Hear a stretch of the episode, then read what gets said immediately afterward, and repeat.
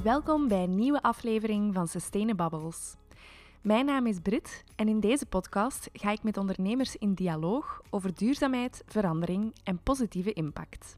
In deze vierde aflevering van de mini-reeks Creativity for Good ga ik in gesprek met Sophie Piot, oprichter van Atelier Recyclé. Wat ooit begon als een webshop met gerestaureerd tweedehands meubilair, groeide de afgelopen jaren uit naar een verzamelplaats voor bewust interieurontwerp, meubelrestauratie en hergebruik.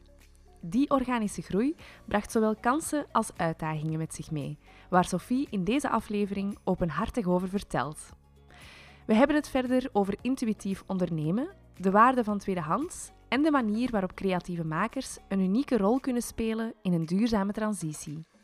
Deze aflevering kwam tot stand met de steun van Lars Grote van Shift Video Productions, een filmmaker die waardegedreven NGO's en duurzame bedrijven helpt bij het creëren van authentieke verhalen.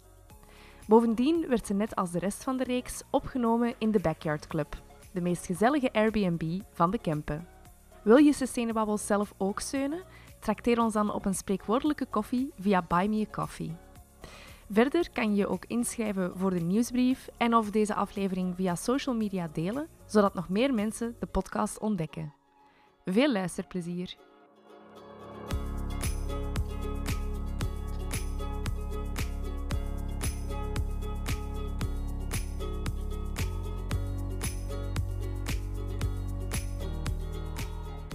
Dag Sophie, welkom hier vanmiddag in de Backyard Club. Hey, dag Brit. Hallo, super fijn dat je erbij kon zijn deze middag. We zijn hier um, te gast ja, in de Airbnb, in het tiny house van Hanne van Hannemans. Een super fijne locatie om, uh, om hier te zijn. En heel toepasselijk, hè, want jij bent ook uh, actief in dezelfde sferen, als ik dat zo mag zeggen. Ja, ja, absoluut. En ik zeg het, de locatie is um, ja, een hele fijne plek. Ik heb met Hanne al mogen samenwerken, dus ja. het is mij hier wel bekend. Ja, leuk. Dus, uh, ja. Voor de mensen die jou, niet kennen, Sophie, je bent oprichter van Atelier Recyclé. Um, wat is dat precies, Atelier Recyclé?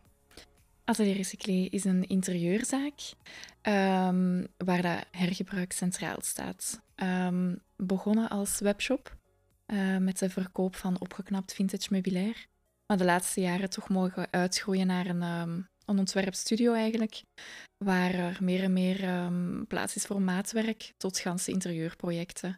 Maar steeds met het echt hergebruik als focus en als uh, rode draad doorheen alles wat ik doe. Ja, oké. Okay. Ja. Van waar die focus op, op hergebruik? Waarom is dat zo belangrijk voor jou? Ik ben altijd van kinds af aan al gefascineerd geweest door oude spullen. Dus ik, ik weet niet waarom ik oude spullen ja, neig mooier te vinden als nieuw, of als het meeste uh, nieuw. Um, dus daar, daar, ja, dat heeft een aanzuig en aantrekkingskracht op mij altijd gehad. Um, en ik vind ze kwalitatief ook vaak veel beter als, uh, als veel ja, modern massaproductie, meubilair. Um, ja, ik heb het altijd heel mooi en heel leuk gevonden. En ja, nu nog naar rommelmarkten gaan of, of uh, kringwinkels afstruinen, dat is mijn, ja, mijn grote kleine gelukjes. Zalig. En mijn fijnste vorm van ontspanning. Oké, okay, ja. ja. En um, maar je zegt het daar al, van dat is mijn fijnste vorm van ontspanning. Ik heb dat altijd gedaan. Atelier recyclé is dan iets dat van hobby een job is geworden? Of begrijp ik dat verkeerd?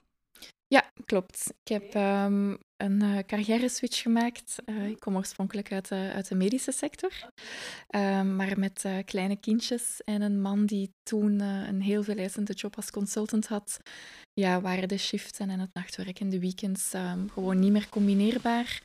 Maar ik ben niet het type vrouw dat super gelukkig wordt van alleen maar huismoeder te zijn.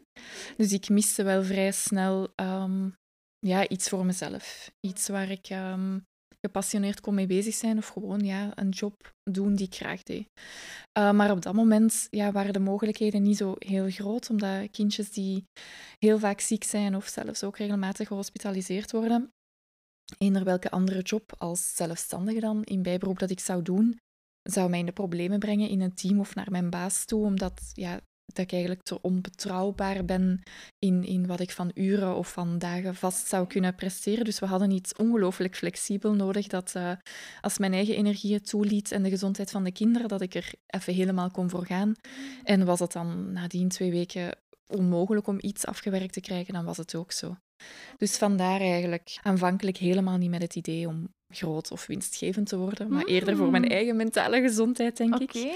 Maar ja, dat is dan toch ehm, ja, mogen uitgroeien tot, tot een eh, volwaardige job. Wow, oké, maar het is dus niet zo dat je eerst al in bijberoep die dingen deed en dat het dan... Het is echt, het bijberoep is echt ontstaan vanuit eigenlijk die gezinssituatie. Ja, klopt. Wauw. Ja. Never waste a good crisis. Zoiets, ja. Dat is eigenlijk ook wel echt ons mantra thuis. Dus Wauw, amai. Supermooi. Ja. Ja, in eerste instantie ben je die tweedehands vondsten beginnen restaureren en verkopen via een webshop. Misschien voor we het hebben over de activiteiten die er daarna zijn bijgekomen, hoe is die webshop over de tijd heen geëvolueerd? Ja, dat is samengevallen met ook de kindjes die ouder werden en dus minder ziek waren en eh, nachten terug kunnen doorslapen. Hè. Dan is er Dat helpt sowieso... altijd. Dat helpt, ja. Dan is er sowieso een fysieke energie die terug vrijkomt, die dat dan ook mentaal meer ruimte geeft. Mhm. Eh, zo gaat het dan. Ehm, ik weet dat ik aanvankelijk... ehm, Qua stijl, ik denk, moesten mensen aan u zien dat ze misschien zouden lachen of verschieten, was veel meer retro. Ik denk een paar jaar terug eh, was er zo'n heel grote mintgroene fase bijvoorbeeld. Ehm, de staat van het meubilair dat ik mee naar huis bracht was ook vaak in... Allee, was zo erbarmelijk Mm. dat het volledig lakken of schilderen wel, wel vaak wenselijk was. Mm. Ik kreeg daar soms toen commentaar op van mensen die zeiden van ja, dat is eigenlijk not done van zo'n vintage stuk volledig te gaan schilderen. En toen dacht ik van, goh, ik ben nooit echt heel hard bezig geweest met van wie is het, wie heeft het gemaakt. Gewoon zoiets van, ja, vind ik het mooi en is het kwalita- kwalitatief in orde, dan, Mm. dan mag het er zijn. Maar met de jaren besef ik nu beter wat er, wat er mij toen eh, gesuggereerd werd. En ehm, ik denk het, het ehm, camoufleren van defecten of het, het uitvullen van gaten bijvoorbeeld en het nadien overschilderen is relatief makkelijk, technisch dan. Maar het hout echt gaan restaureren of proberen het, eh, de oorspronkelijke houtskleur ja, terug in eer te herstellen. En ehm, dus ook je defecten te gaan herstellen, die dat, dat die zo minimaal zichtbaar mogelijk nog zijn. Daar zit voor mij een veel grotere uitdaging en ook technische moeilijkheid. Mhm. En daar heb ik me de laatste jaren dan bijvoorbeeld wel meer op toegelegd. Hoe deed je dat dan? Had je dan een, een, een opleiding gehad of was dat gewoon uit, uit eigen... Ja, goh, daar raak je eh. mij een beetje op mijn imposter-syndroom, denk ik. Nee, dus ja, ik heb geen, eh, althans geen langdurige opleiding, nog als ehm, meubelmaker, nog als houtbewerker of schrijnwerker of zo. Ik heb wel ehm, dagopleidingen gevolgd.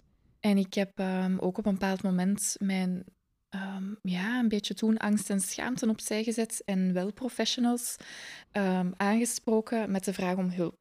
En ook zo van, mag ik eens komen volgen? Of hoe zou jij dat aanpakken? Of hoe zou je dit doen? Of mag ik met mijn stuk naar jou komen? Er is een herstelling en ik weet eigenlijk niet hoe dat ik daar moet aan beginnen. Mm, Of ik heb iets geprobeerd en dat is grandioos mislukt. Wat heb ik fout gedaan? En tot mijn verbazing is daar altijd, is altijd heel warm onthaald, Hmm, die vraag. Ik denk dat veel creatieve makers wel graag hun kennis delen en graag vertellen over hun vak.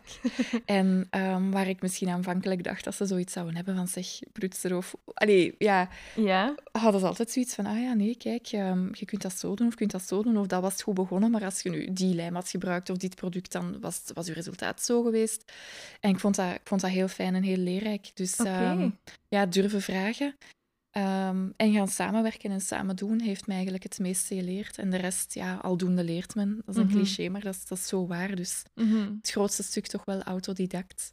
Met dan de hulp van mensen die destijds eh, al verder in het eh, makersproces stonden als ik toen. Ja. En tot op vandaag is de, de evolutie van mijn zaak komt eigenlijk van mijn klanten zelf. Oké. Ja, het is misschien niet zo, zo wijs om dat nu eh, live te vertellen, maar zoals gezegd heeft daar nooit een, een heel groot of langdurig doordacht businessplan achter gezeten. Dus het is echt een beetje go with the flow. En mijn klanten, of de vraag van klanten of van mensen waar ik mee samenwerk, die hebben mij altijd een beetje aangestuurd. Die hebben natuurlijk in mij dingen getriggerd waarvan ik dacht, oh wacht, dit is echt ook wel heel leuk en hier wil ik meer over weten of dit wil ik vaker gaan doen.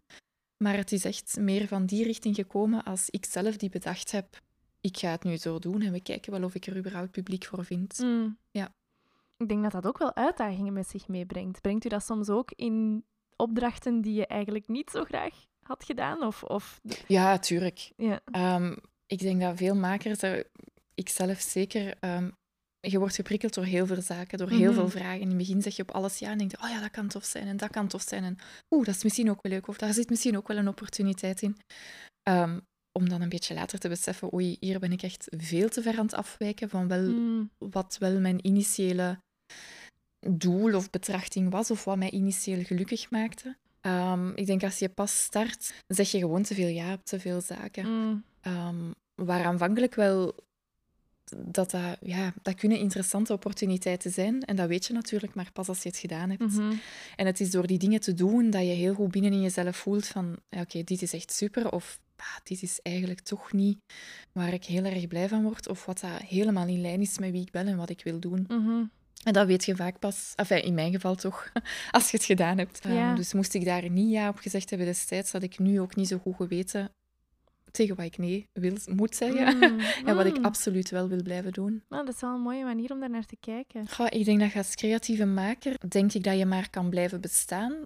Ehm, en waarheidsgetrouw overkomen naar je publiek als je je identiteit of je ziel echt in je werk en in je proces kunt steken. Mm. Dus die zoektocht die is daar onlosmakelijk mee verbonden, omdat ja, als dat niet zo is en je staat, zijt dus eigenlijk dingen aan het doen die best wel ver op den duur van jezelf of van je eigen passie afstaan, dan, ja, dan ma- marcheert dat niet voor jezelf. Maar ik merkte ook dat ik mijn boodschap ook helemaal precies niet zo overtuigend meer kon, kon overbrengen. Mm. Enfin, althans, dat was mijn perceptie. Dus, dus ja, ja, win-win om, om wel dicht bij jezelf te blijven. Want het is ten eerste veel gemakkelijker om consequent je verhaal te kunnen doen. Mhm. En ehm, als je dan je publiek ophoudt, is dat ook meteen het juiste publiek. Mm. Tegen als je ehm, ja, heel veel verschillende trajecten gelijktijdig gelijk, ehm, tijdig lopend hebt, dan weten mensen ook niet goed meer bij, ja, voor wat dat je staat of Hmm. voor wat dat ze bij jou terecht kunnen. En dat speelde in mijn geval toch zeker niet in mijn voordeel, ook business-wise niet. Mm. Ja, ook dat vind ik interessant, want ik ben het er wel mee eens dat je zegt van als je heel authentiek bent en je weet heel goed voor wat dat je staat, dan trek je de juiste mensen Mhm. aan. Your vibe attracts, Attracts your, your tribe. Ja. Ehm, then again, ik weet niet of dat, dat dan als ondernemer altijd de meest lucratieve doelgroep is. Hmm. Ja, of dat dat dan ook de doelgroep is waar je effectief geld aan kan verdienen. Ja. Ja, op dat vlak beschouw ik mezelf niet als een ehm, klassieke onderneemster. Ik vind dat ook zelfs nog een heel moeilijk woord om over mezelf te zeggen, van ah ja, ik ben onderneemster. Mhm. Ehm, waarschijnlijk ook omdat mijn traject of mijn proces of atelier recyclé nooit vanuit een businessplan ontstaan is. Hmm. En daar moet ik ook niet onnozel over doen. Hadden wij wel destijds investeringen aangegaan of kredieten aangegaan voor atelier recyclé, ja, dan was het misschien al wel game over geweest. Mm. Ehm, doordat wij zelf zuinig geleefd hebben en dat mijn man een stabiel inkomen had, kon ik mij die organische groei en weg met alle vallen en opstaan permitteren. Mm. Mhm. Ehm, maar als je inderdaad een strak businessmodel hebt voor jezelf of naar de bank toe, dan kan ik mij inbeelden dat dat, dat, dat niet altijd de slimste weg is. Of dat je veel, veel sneller moet pivoteren, of dat je je veel beter moet adviseren op voorhand. Of dat dat wel een goede piste is van te bewandelen. Mhm. Terwijl ik alles, ja, ik doe nog steeds alles vanuit mijn buikgevoel. Mhm. En dat heeft mij op fantastische plekken gebracht, maar ook op minder fantastische plekken. Maar ik, ik kon het mij permitteren, die, die fouten of dat leergeld, om het zo te zeggen. Mm. Ja. Mhm.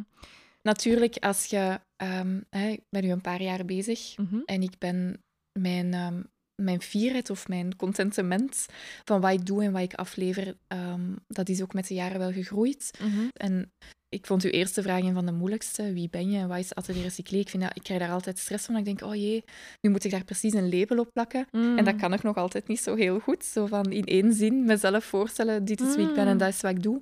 Maar dat is oké.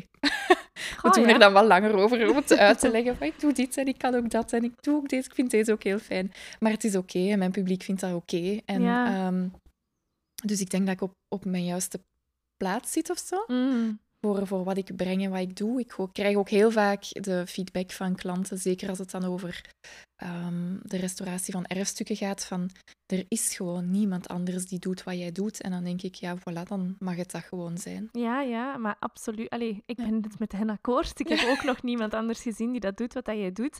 Een van de bijzonderste dingen, denk ik, ehm, zijn die bommatafels waar dat jij bijna Zweeds design van maakt. Hoe ben je in hemelsnaam op dat idee gekomen om dat te gaan doen? Ja, ook daar weer dankzij ja, fantastisch klantje. Die eigenlijk die vraag aan mij gesteld heeft. Haar dochter volgde mij al een tijdje op Instagram. Mhm. En ehm, zij is haar papa verloren. Dus Ingrid ook haar echtgenoot. Oké. En zij had gezegd van mama, ik denk dat ik iemand ken die u kan helpen. Of, ehm, goed, Ingrid heeft mij dan het hele verhaal verteld dat zij destijds met hun eerste loon, hè, zo ging dat dan, ehm, ja, zo'n typische Vlaamse zware eiken eetkamer, de tafel, de stoelen, de, de buffetkast gekocht hadden.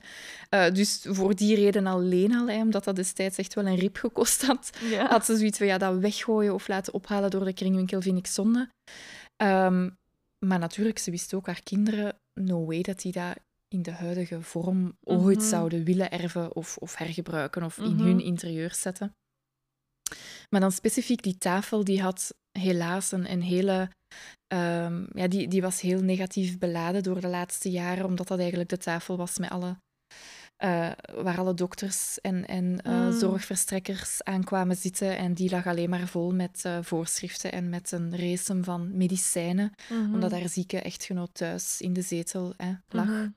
Tot de dag dat hij overleden is, helaas. Ehm, dus die tafel was, was een heel pijnlijk iets. Mhm. Ehm, en ik denk dat ehm, ja, haar dochter moet dan opgepikt hebben dat mijn transformaties nogal groteske vo- eh, vormen konden aannemen. Dus Mhm. met dat ik meer die echte voor en naast ben beginnen tonen, had zij dat opgepikt. En dus met die vraag eigenlijk van, ja, die tafel, pff, ziet je daar nog iets in? Wat kunnen we daarmee? En, en zo is eigenlijk de eerste bomma tafel makeover tot stand gekomen. En surplus eh, van de overschot van, van de ja, bombastische poten heb ik dan eigenlijk een hele tableware-collectie mogen, mogen ontwerpen. Samen met een, eh, eh, een echte ambachtsman, ehm, mijn houtdraaier Ronnie, ehm, hebben we toen ja, bordjes, vaasjes, kommetjes, noem maar op. Al wat er nog uit kon, hebben we gemaakt.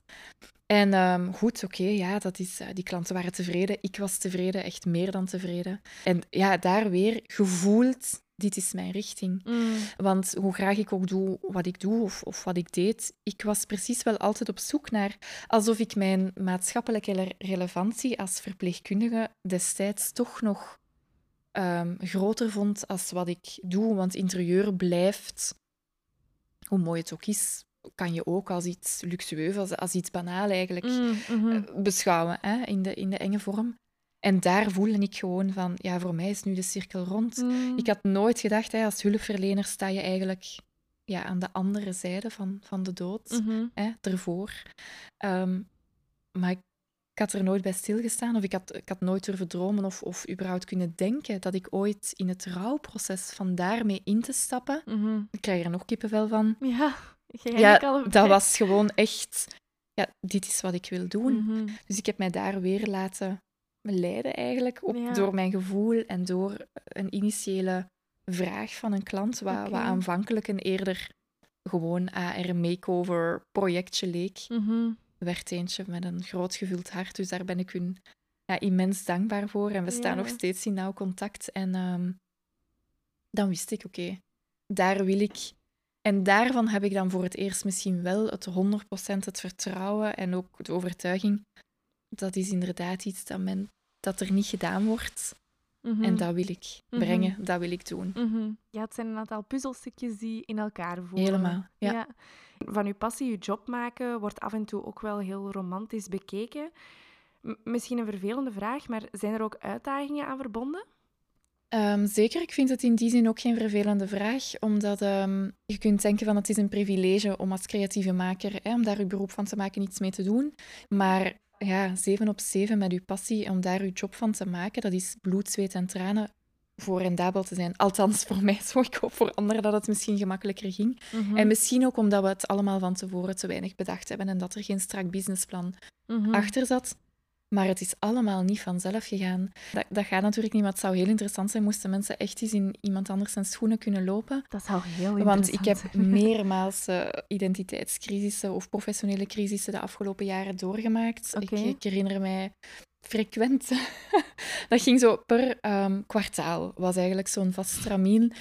Ehm, Tijdens de dat ik dacht van, ehm, we gaan gewoon de stekker eruit trekken. Waar ben ik in be- mee bezig? Omdat je, als zelfstandig, of allee, ik werkte zes op zeven of heel vaak zeven op zeven. Althans ben je er tenminste zeven op zeven mentaal mee bezig.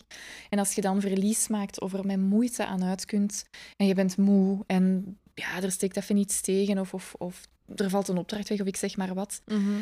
Of de kindjes zijn weer ziek en je voelt dat je ook nog wel geslingerd wordt tussen, ja, ik ben ook, ook nog wel echt ook mama. Dus hè, Mhm. soms zijn er gewoon andere prioriteiten en, en gaat niet alles professioneel dan zoals je zou willen, met dan alle gevolgen van dien, ook financieel. Mhm.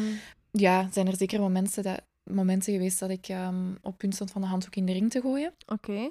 Ehm, en ik heb mezelf dan altijd, nu dat was ook gewoon fysiek nodig dan, heb ik echt wel geregeld sabbaticals eh, ingelast. De ene al wat langer als de, als de andere, of wat korter als de andere.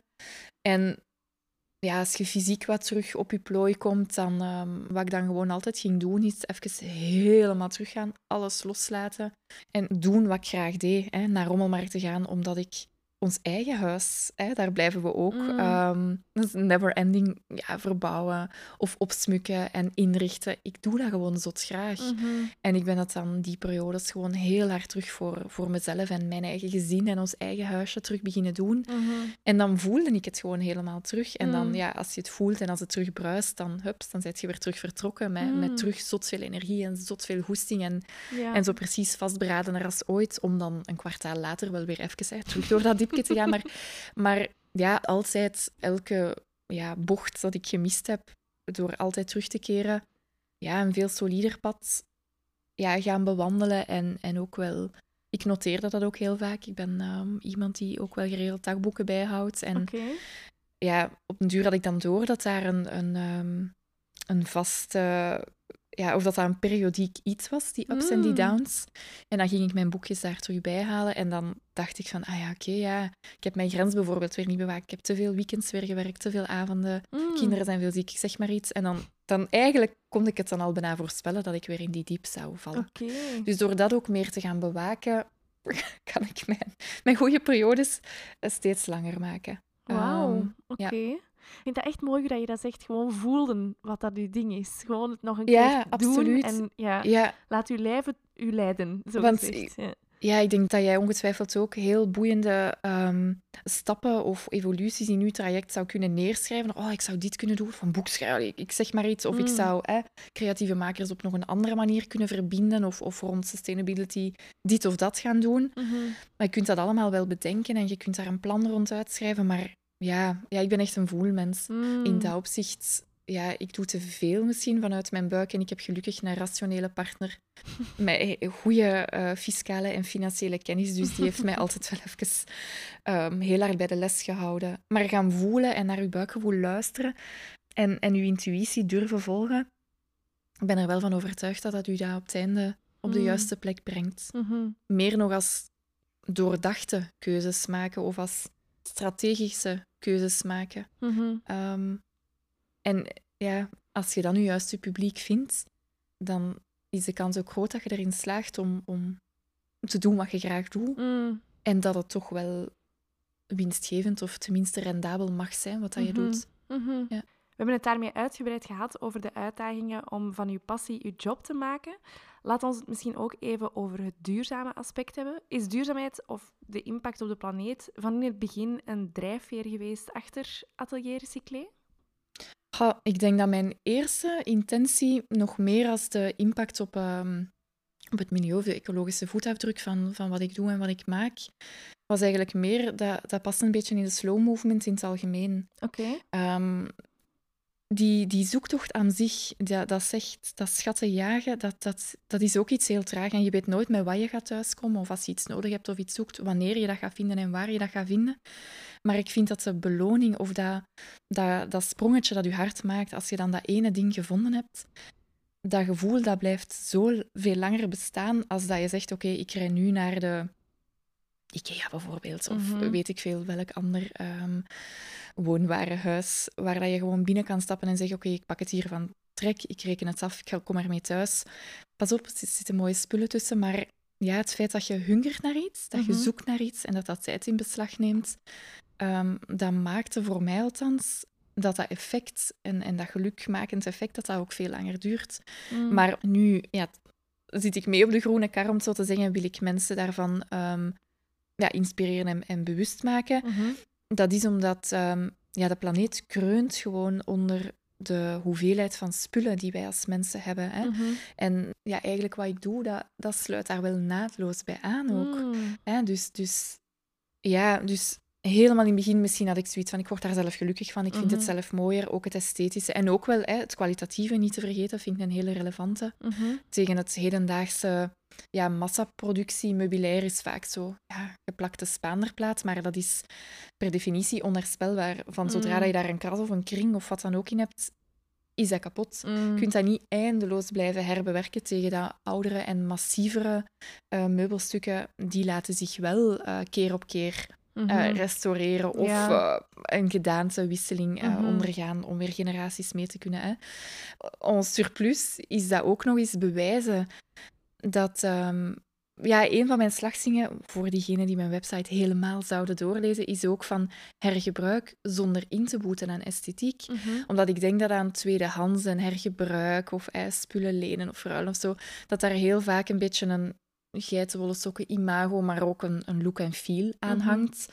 Ehm, en ik betrap mezelf daar ook op dat je, je kan speelgoed uit oude blikjes die omgeplooid worden tot autootjes en zo. Ik vind dat allemaal fantastisch en elk initiatief is, is, is, is ehm, een goed initiatief in, in die richting, Mhm. maar ik vind ze niet allemaal even mooi. Mm, mhm. Dus ehm, wat ik zeker ook probeer is bewijzen en dus tonen dat, dat hergebruik niet lelijk of, of hoeft te zijn, of dat, Mhm. dat het mooi en jouw stijl kan zijn. En ehm, toen dat besef mij ja, echt begon door te dringen van, niet van ik heb goud in handen, maar op zich had ik wel zoiets van ineens, ja, is dat wel een heel duurzaam businessmodel ook. Hè? Mm. Ehm, het gaat met de planeet, denk ik, de komende jaren niet snel beter gaan. Mhm. Integendeel. Dus hoe meer mensen... Dus, dus mijn drive of mijn goesting om te gaan inspireren en te bewijzen of te tonen wat er mogelijk is met ja, zogenoemd afval. Mhm. ehm, ja, die drive is alleen maar toegenomen. Mm, mhm. Ehm, dus ik denk dat ik inderdaad ook daar een shift gemaakt heb van niet enkel van dat is mijn voorliefde, dat is mijn passie, dus ik ga daar iets mee doen. Maar ben ik ook wel een beetje ambassadeur of zo voor, voor die gedachtegang geworden van hergebruik gewoon. Maar maak daar een reflex van. Als je iets wilt of iets zoekt of iets nodig hebt, van ga eerst even kijken wat bestaat er al en waar kan ik dat vinden in plaats van altijd keer op keer nieuw te gaan bestellen. Mhm. Merk jij dan een toegenomen interesse of een toegenomen bereidheid voor jouw publiek, maar, maar misschien ook leveranciers en iedereen in die, in die keten eh, van, van jouw sector, om met dat hergebruik bezig te zijn, met die circulariteit? het is wel zo dat de huidige crisis ehm, mensen noodgedwongen of, of vanuit eh, bewuste keuze Mhm. wel richting lokalere producten ehm, Hmm. drijft natuurlijk. Hè? Dus dat is, dat is in, in, in dat opzicht gunstig voor, voor wat ik doe. Mhm. Hè? Dat eh, speelt eerder in mijn voordeel als in mijn nadeel.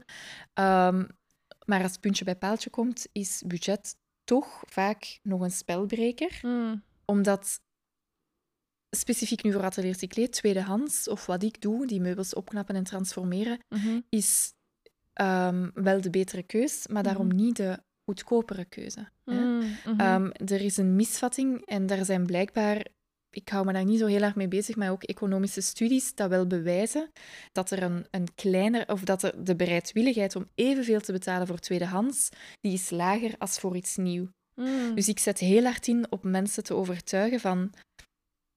Kijk, je gaat je budget toch uitgeven. Stel dat je mijn offerte niet aanvaardt, voor welke reden dan ook, kan ik, aanva- Allee, kan ik inkomen, moet ik respecteren. Mhm. Maar dan gaat je het nieuw bestellen bij merk A of B en dan ben je dat budget kwijt. Mhm. Maar dan denk ik, ja, het gaat hem dus eigenlijk niet over budget, want je zou het budget spenderen aan jou de keuze. Ja, dat klinkt nu zo heel hot, hè, maar of dat je de betere keuze van de twee maakt. Mhm. En dan worden ze allemaal eventjes stil en dan denken ze van, ah ja, ja, dat is juist zo, hadden we het nog niet bekeken. Mhm. Maar het is, het is echt die mindshift bij mensen die dat je nodig hebt. En in dat opzicht schept het zeker opportuniteiten, omdat als je nu hè, dus wel iets nieuws zou laten maken Mhm. om bij hout en interieur te blijven, of je gaat naar de schrijnwerker of naar de lokale houthandelaar, ja, dan val je omver van de prijs. En nu kom ik er ineens wel als, Mm. ook qua budget, als een eh, competitieve speler op de markt uit. Mm. Ehm, ja.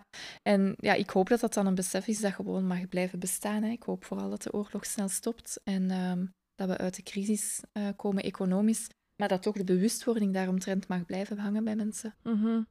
Ja, de keerzijde van die medaille is dan dat je wel te horen krijgt, duurzaamheid is exclusief aan het worden. Hè? Want de grondstofprijzen stijgen, dus nieuw en duurzaam materiaal is enkel nog weggelegd voor zij die het kunnen betalen. Ja, maar daar ben ik niet helemaal mee akkoord. En ik besef dat ik er ook nog niet in geslaagd ben om dat publiek te bereiken of om die boodschap ehm, te brengen. Maar op mijn website eh, kan je zelfs een DIY-pakket, een assistentiepakket aankopen. Dus stel dat je Mm. zegt van, oeh, wacht even, dat is eh, veel te duur om dat uit handen te geven. Of ja, eh, zoals ik zei, van, mijn betrachting is echt om zoveel mogelijk te gaan hergebruiken.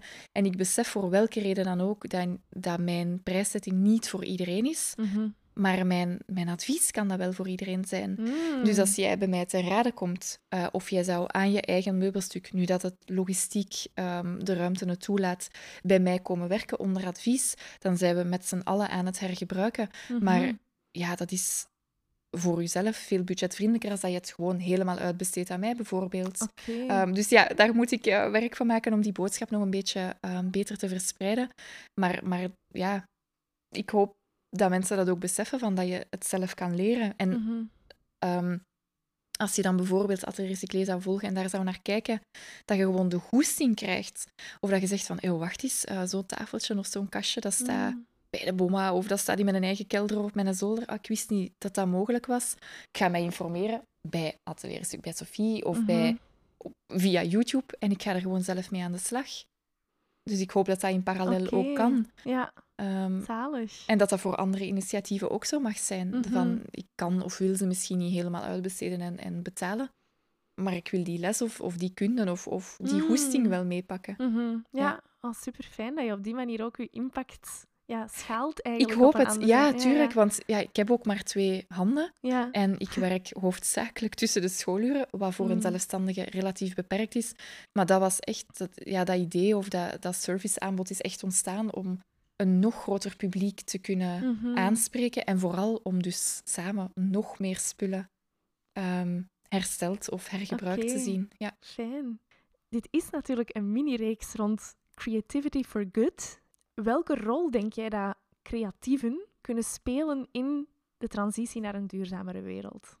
Als ik mag dromen, dan krijgen ze de hoofdrol. Oké. Ehm, dat is wat ik echt wens. Ehm, ik maak mij geen illusies. Ehm, ja, hoogstaande technologieën en innovaties zullen nodig zijn om de klimaatdoelstellingen überhaupt ooit te halen. Mhm. Maar ik geloof wel dat eh, creatieve makers ja, kunnen inspireren en een heel groot eh, maatschappelijke bewustwording kunnen, kunnen creëren. Oké. Ik denk dat je als creatieveling gewoon letterlijk tot in de woonkamer Mm. van het publiek kunt geraken. Mhm. Met wat het ook is. Hè. Of Mm. dat het nu is omdat ze op hun zetel zitten en naar een podcast luisteren. of hun eh, nieuwe getransformeerde eiken bommatafel bewonderen. Hè. Mhm. Ehm, Atelier Recyclé alleen gaat ook nooit de planeet redden. Ehm, Mhm. Maar het, het- ik denk wel dat we de brug kunnen zijn ehm, ja, tussen, beide, tussen beide initiatieven en beide werelden. Mhm. En ik denk gewoon ja, dat je als, als maker dichter bij, bij de mens thuis geraakt. En dus ook Mm. dichter in hun, in hun hoofd of in hun perceptie. Dat hoop ik althans. Het is de perceptie en, en de inspiratie die je, die je kan zijn, eh, zonder dat het heel belerend eh, hoeft te zijn. Mhm.